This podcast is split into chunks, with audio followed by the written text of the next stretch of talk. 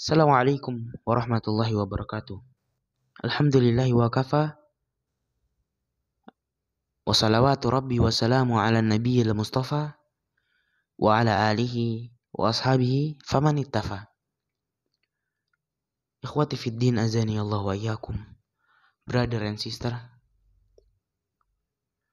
yang semoga selalu dalam penjagaan Allah dan naungannya. Gue mau cerita, gue mau kasih tips yang dikasih sama Ibnul Qayyim rahimahullah. Imam Ibnul Qayyim al-Jauziyah memberikan kita tips. Enam tips menghadapi takdir yang buruk, menghadapi musibah yang Allah berikan. Imam Ibnul Qayyim mengatakan, pertama apabila kita menghadapi musibah, pertama kita memandang musibah tersebut dengan kacamata tauhid. Meyakini bahwasannya yang memberikan musibah, yang menentukan musibah hanya Allah Subhanahu wa taala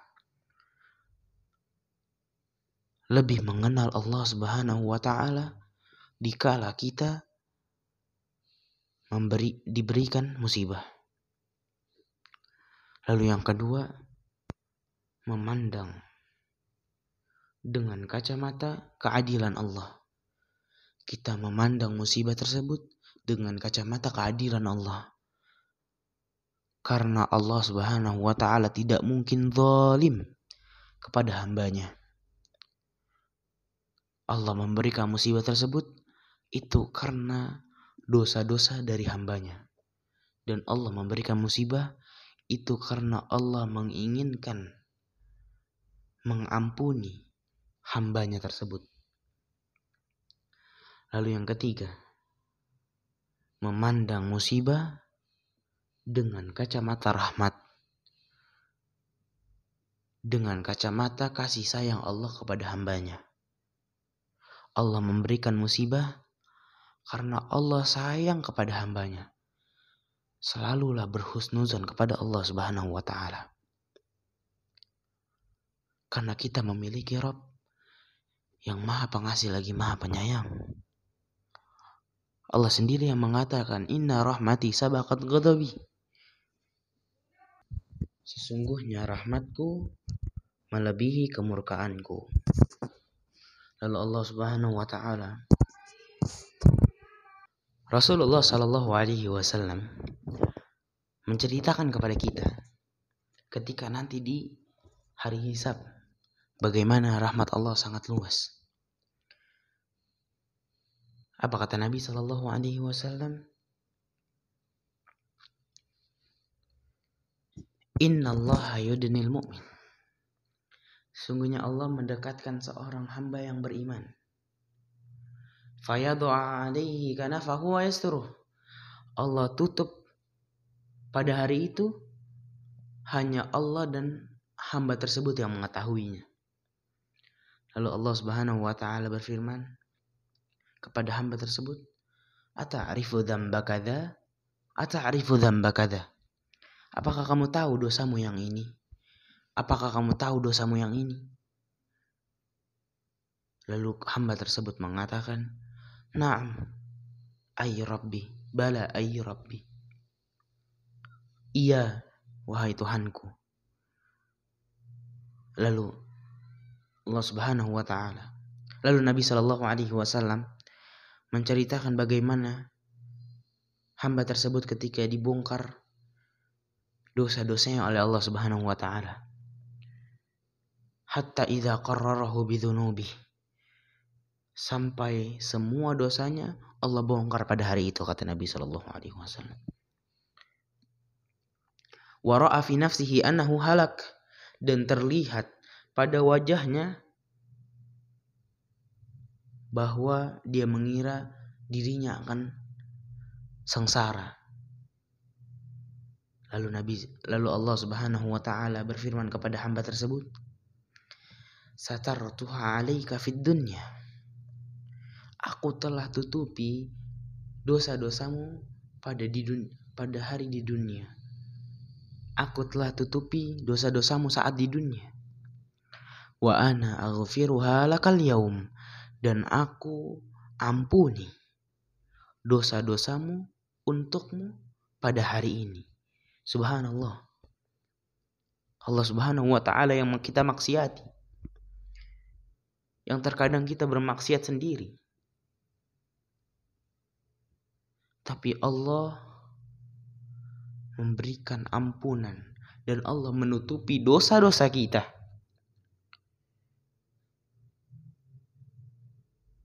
Maka pandang seluruh musibah dengan kacamata rahmat Allah Subhanahu wa taala. Lalu yang keempat, pandang musibah dengan kacamata hikmah. Karena di setiap musibah, pasti Allah berikan hikmah kepada hambanya. Lalu yang kelima, melihat musibah tersebut dengan kacamata pujian. Pasti akan ada celah. Di setiap iba, setiap musibah kita, ada celah untuk memuji Allah Subhanahu wa taala. Lalu yang keenam yang terakhir, melihat memandang musibah tersebut dengan kacamata ubudiyah, penghambaan. Karena mau gimana pun kita ini hambanya Allah. Tidak ada solusi yang lebih benar kecuali kita berlapang dada akan apa yang Allah beri. Dan kita lihat di surat Al-Insyirah. Inna ma'al usri yusra. Sesungguhnya di setiap kesulitan pasti akan ada kemudahan. Dan salah satu cara menghadapi musibah, salah satu cara menghadapi masalah, ujian, salah satunya dengan bertakwa kepada Allah Subhanahu wa taala. Wa may yattaqillah yaj'al lahu makhraja wa yarzuqhu min haitsu la yatahsib. Barang siapa yang bertakwa kepada Allah, Allah berikan solusi, jalan keluar, dan rizki dari arah yang dia tidak duga-duga. Subhanallah. Dan ada perkataan seorang salaf yang bernama Suraih Al-Qadi rahimahullah.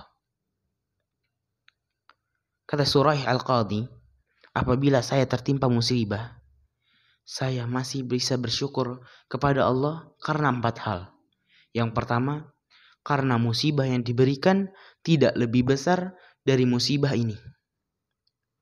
Karena mungkin saja Allah Subhanahu wa taala memberikan musibah yang lebih besar. Tapi Allah memberikan musibah yang lebih kecil kepada kita. Lalu yang kedua, karena Allah berikan kesabaran dengan itu saya bisa mendapatkan pahala. Siapa yang tidak mau mendapatkan pahala sabar? Allah Subhanahu wa taala berfirman, "Innama yuwaffas sabiruna ajrahum bighairi hisab."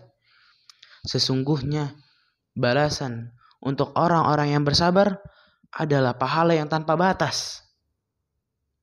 Lalu yang ketiga, saya masih bisa bersyukur kepada Allah karena Allah berikan taufik kepada saya untuk mengatakan inna lillahi wa inna ilaihi rajiun. Apa kata Allah Subhanahu wa taala tentang orang yang ditimpakan musibah lalu mengatakan inna lillahi wa inna ilaihi rajiun? Ulaika alaihim salawatu min rabbihim wa rahmah wa ulaika humul muhtadun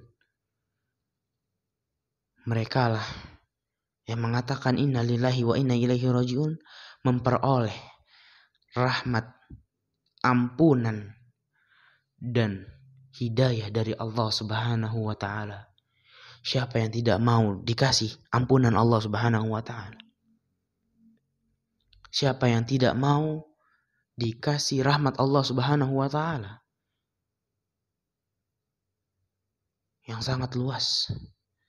Dan siapa yang tidak mau dikasih hidayah oleh Allah Subhanahu wa taala yang dengan itu kita bisa masuk surganya Allah Subhanahu wa taala yang indah. Perkataan tersebut diriwayatkan oleh Al-Imam Al-Baihaqi di dalam kitabnya Syu'abil Iman. Hada wallahu taala alam. Semoga yang tadi gue sampaikan bisa bermanfaat untuk kalian. Gue Sakif, pamit undur diri. Subhanakallahumma wa bihamdik. Asyhadu an la ilaha illa anta. Assalamualaikum warahmatullahi wabarakatuh.